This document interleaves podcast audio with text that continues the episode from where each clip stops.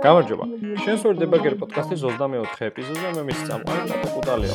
ამ პოდკასტში საუბარია დეველოპერული კულტურის, ტრენდული ტექნოლოგიების და კარიერული ზრდის შესახებ.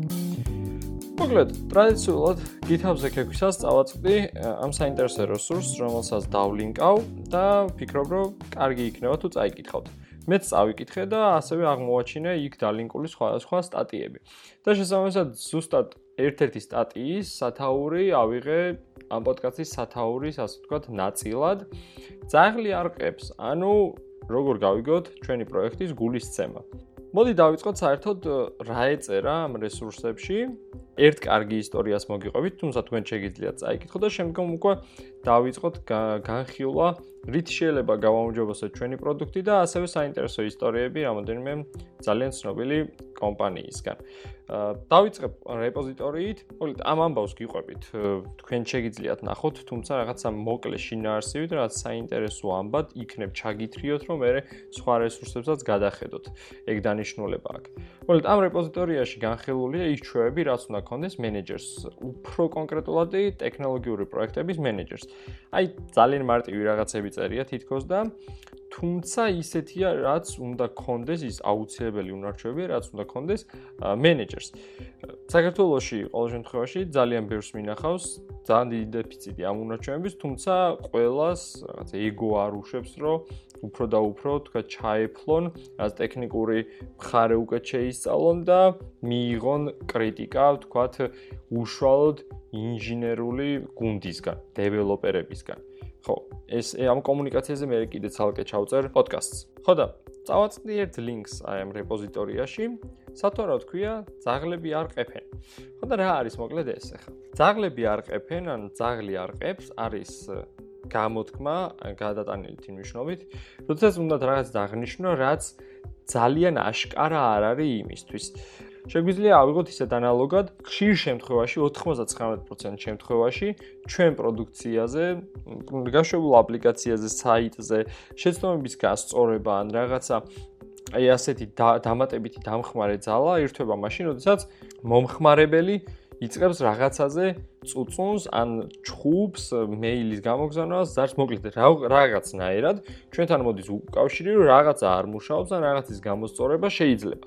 ამის დებაგინგი ცალკე როგორ ხდება და საერთოდ ტიკეტის დარეგისტრირება მისვლა ტექნიკურ ჯგუფთან ეს სრულიად ცალკე ამბავია, მაგრამ ეს ძაღლი არყებს არის ამის საწინააღმდეგო. ეს ის მომენტია, როდესაც ვერ ხვდები რატომ არის ანუ რაღაცა ძალიან კარგად მიდის თუ ისეთი რამე არის რის შესახედა ჩვენ შესაძლებაც არ გვესმის და შემდგომ შეიძლება ერთიანად მოვიტეხოთ ფეხი.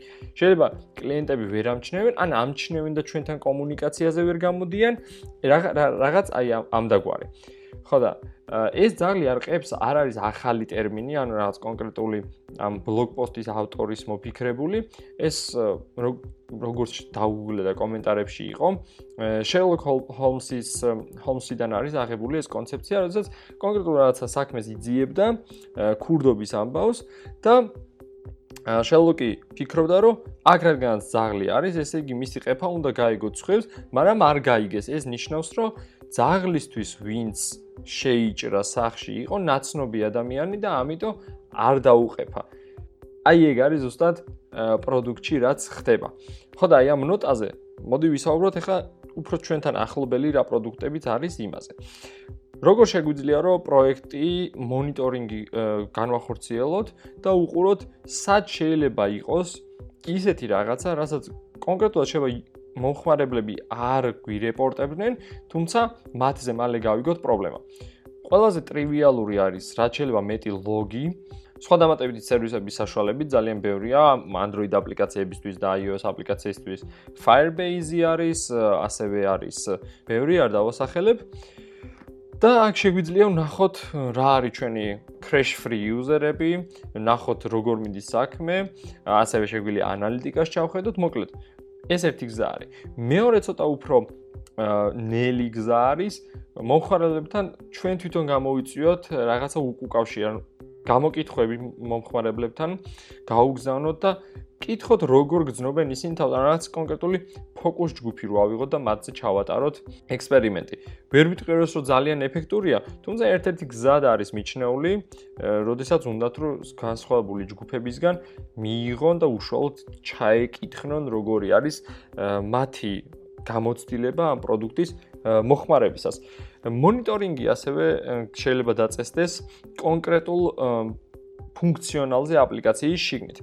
მაგალითისთვის, თუ თქვენი აპლიკაცია მიჩვეული ხართ, რომ აი მუშაობს, ასე და ასე, ვთქვათ, ამდენი ადამიანი რეგისტრირდება დღის განმავლობაში საშუალოდ, აი ასეთი ექშენები ხდება აი ამ რაოდენობით და კონკრეტული განახლების შემდგომ ეს რიცხვი თლად იქ არ არის როგორც უნდა იყოს, შეიძლება იყოს ასეთი ამბავი, რომ აპლიკაცია არ იქრეშებოდეს ან ვებსაიტი კონკრეტულად არც error message არ გაძლევდეს, თუმცა მომხმარებელს არ არეგისტრირდეს, რაც უცნაურ შეცდომას აძლევდეს, ან შემდგომ იყოს ასეთი რაღაცაც, რომ უკავშირის არხი იყოს გაფუჭებული. მაგალითად, მეილს ვერ აგზავნდეს არასწორად იყოს მითითებული შიდა ჩატი არ მუშაობდეს. მოკლედ ეს კომუნიკაციის არხი იყოს დაბლოკილი და ამიტომ არ მოდიოდეს ჩვენთან მომხმარებლის კომუნიკაცია თუმცა რეალურად რაღაცა პრობლემა არის. კარგი. ამავდროულად ძალიან მნიშვნელოვანი ასპექტი არის ტექნიკური გუნდის მზადყოფნა მეორე მხარეს რომ ამ პრობლემებს დახვდეს. ძალიან მოკლედ ყვები ამას, რაც შემაჯამებელი სახით, თუმცა შემდგომში, არ ვიცი, შეიძლება რომელიმე ეპიზოდში ძალიან ვრცლად ჩავწერო როგორ მუშაობს ზოგადად ტექნიკური ჯგუფი ასეთ შემთხვევებთან. ხო და ტექნიკური გუნდის მზადყოფნა არ არის ესეთი რაც რომ სუ სუ სუ დაკოკილი რომ უნდა იყო და სერვერის პრინციპში, აქტიური სერვერის პრინციპში რო იყო რომ მუდმივად ელოდები რაცა რეკვესტს, ხო? ანუ ძირითადად არის აი აი როგორ ვიტყვი აი აი აი მაგალითია Heroku სერვერივით, Heroku-ზე. Heroku-ზე დიდი ხანი თუ არაფერი არ მოხდა, ის უფასო დროპლეტი იძინებს და პირველ რეკვესტზე დიდი ხანი ჭირდება გამოგვიძებს, მაგრამ გამოიღვიძებს, ცოტა ხანი იმუშავებს და ისევ დაიძინებს. აი ტექნიკური გუნდები ხშირად არიან ასე, რომ თუ მოეშვებიან და არაფერი არ ხდება და იმიტომ შეიძლება არაფერი არ ხდებოდეს, რომ ძაღლი არ ყებდეს, მოეშვებიან და მუდმივად ჭირდებათ რაღაცა სიგნალი, რომ გაიღვიძონ. დიდ კომპანიებში როგორც არის Netflix-ი, Spotify და კიდე რამოდენიმე მოკლედ ამაზე კითხულობდი ადრე, აქვს ძალიან საინტერესო მეთოდი როგორ გაავარჯიშონ თავიანთი გუნდები. კონკრეტულად რამოდენიმე სერვერს იღებენ და თიშავენ. ან რაღაც რეგიონს თიშავენ.